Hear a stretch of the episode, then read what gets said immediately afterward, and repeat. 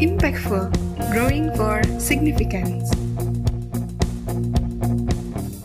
Halo sahabat pemimpin, ketemu dengan saya kembali dalam program Impactful, growing for significant. Dalam podcast kali ini, kita akan bahas tentang people developer. Ketika kita bicara tentang people developer, maka kita ingin kembali ke dalam satu konsep yang John C. Maxwell katakan bahwa leaders become great not because of their power, but because of their ability to empower others. Ini adalah satu message yang sangat kuat bagi kita sebagai seorang pemimpin. Jika kita tidak mampu empowering people, empowering others, kita sebenarnya bukan pemimpin sejati. Pada level ini di dalam satu piramid, the five level of leadership, ini bicara tentang level keempat. Dan level ini akan lahir begitu banyak pemimpin baru. Level pertama telah kita bahas tentang positional level, positional leader. Level kedua kita bicara tentang permission level kita bicara tentang relational leader. Kemudian level ketiga kita bicara tentang result, tentang production level. Kita bicara tentang production leader. Dan sekarang kita bicara tentang level keempat. Level keempat adalah people development level. Ini bicara tentang people development developer. Oleh sebab itu, saya akan memberikan beberapa tips apa saja yang perlu Anda lakukan ketika Anda ingin menjadi seorang people developer. Yang pertama, walk slowly through the crowd. Anda perlu tidak buru-buru ketika Anda masuk kantor, Anda datangi satu komunitas, dan Anda segera menuju menara gading Anda. Berjalanlah lebih lambat, temui orang-orang Anda secara khusus 20% the most promising potential leaders. Ajak mereka berbicara, keep in touch dengan setiap orang yang Anda ingin temukan. Ketahui tentang latar belakang mereka, dan pastikan Anda sebagai seorang pemimpin ketahui tentang kekuatan mereka, tentang bakat potensial mereka, sehingga Anda bisa mengembangkan mereka tepat sesuai dengan kapasitas yang seharusnya mereka kembangkan. Kenali mereka dengan baik. Lebih banyak menggunakan kuping daripada menggunakan mulut Anda untuk memberikan perintah. Gunakan kuping Anda untuk menyimak apa yang mereka butuhkan dan aspirasi mereka. Yang kedua, develop key leaders. Anda perlu mengembangkan key leaders. Siapa mereka? The 20% most promising potential leaders di dalam company Anda, dalam komunitas Anda. Secara sistematis, secara reguler, Anda perlu lakukan pertemuan dengan mereka. Lakukan teaching, coaching, mentoring, termasuk training untuk mereka yang akan menjadi influencer bagi perusahaan Anda. Baik di dalam internal dan kita bersyukur kalau bisa sampai eksternal. Yang ketiga, realize that people are your most valuable asset. Sadari bahwa orang adalah aset yang paling berharga. Secara khusus, orang-orang yang memberikan kontribusi positif bagi komunitas dan bagi organisasi. Tentu tidak semua orang adalah aset. Ada juga orang yang datang ke company bukan untuk memberikan kontribusi, tetapi justru untuk untuk menghancurkan komunitas dan menghancurkan organisasi. Orang-orang seperti itu bukan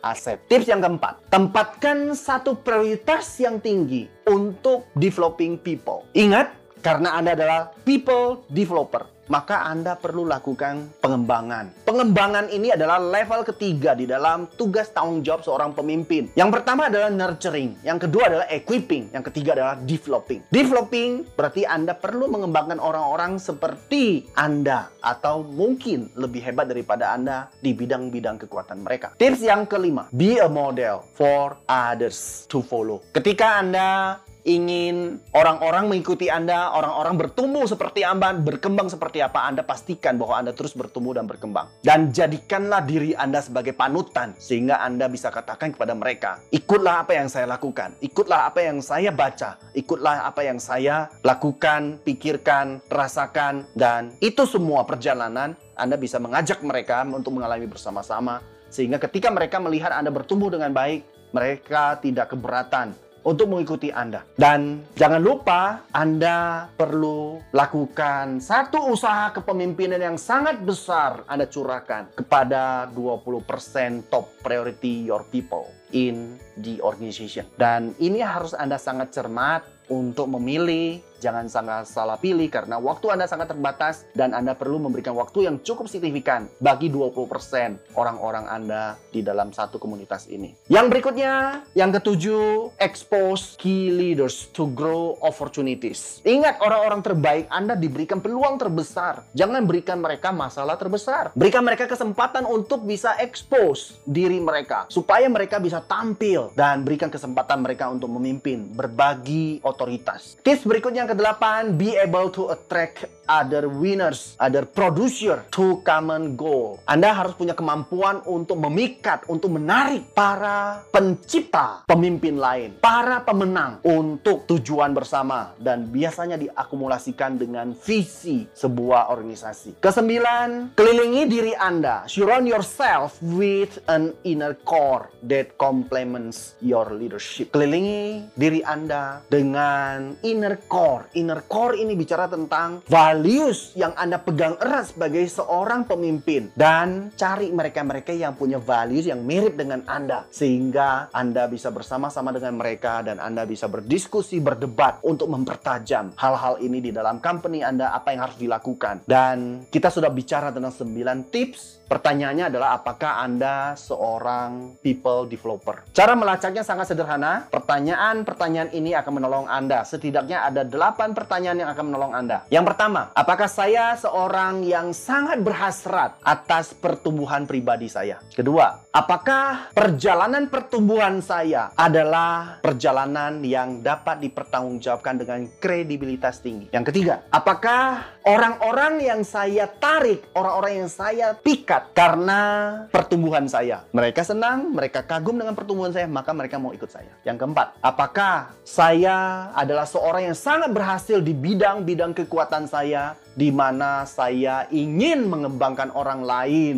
untuk bisa sangat sukses juga di bidang-bidang yang menjadi kekuatan saya. Yang kelima, apakah saya bersedia dan mau dan sudah melintasi satu investasi waktu saya yang selama ini saya tidak pernah lakukan dan saya mau lakukan untuk orang lain. Yang keenam, apakah saya telah menjadikan orang yang mau terus belajar sebagai gaya hidup saya? Yang ketujuh, apakah saya bersedia dia menjadi rapuh sebagai panutan dan sebagai seorang coach. Artinya bersedia untuk dikritik, bersedia untuk terbuka, open minded dan siapa pun di sekitar saya, orang-orang yang menjadi accountability partner saya boleh berbicara apa saja tentang saya dan saya bisa menjelaskannya. Yang kedelapan, apakah orang-orang yang saya kembangkan sukses? Delapan pertanyaan ini akan menolong Anda untuk menjadi seorang people developer. Sebagai penutup, John C. Maxwell keluarkan satu statement yang sangat bagus menolong kita untuk berhasrat bergairah untuk menjadi people developer. The ultimate goal in developing people is to help them transform their lives. Teaching may help someone's life improve. True development help an individual life change. Pernyataan John ini menutup podcast kita pada kali ini. Tetap bersama dengan saya Sunjoy Su di dalam episode-episode podcast kita yang lain impactful, growing for significance.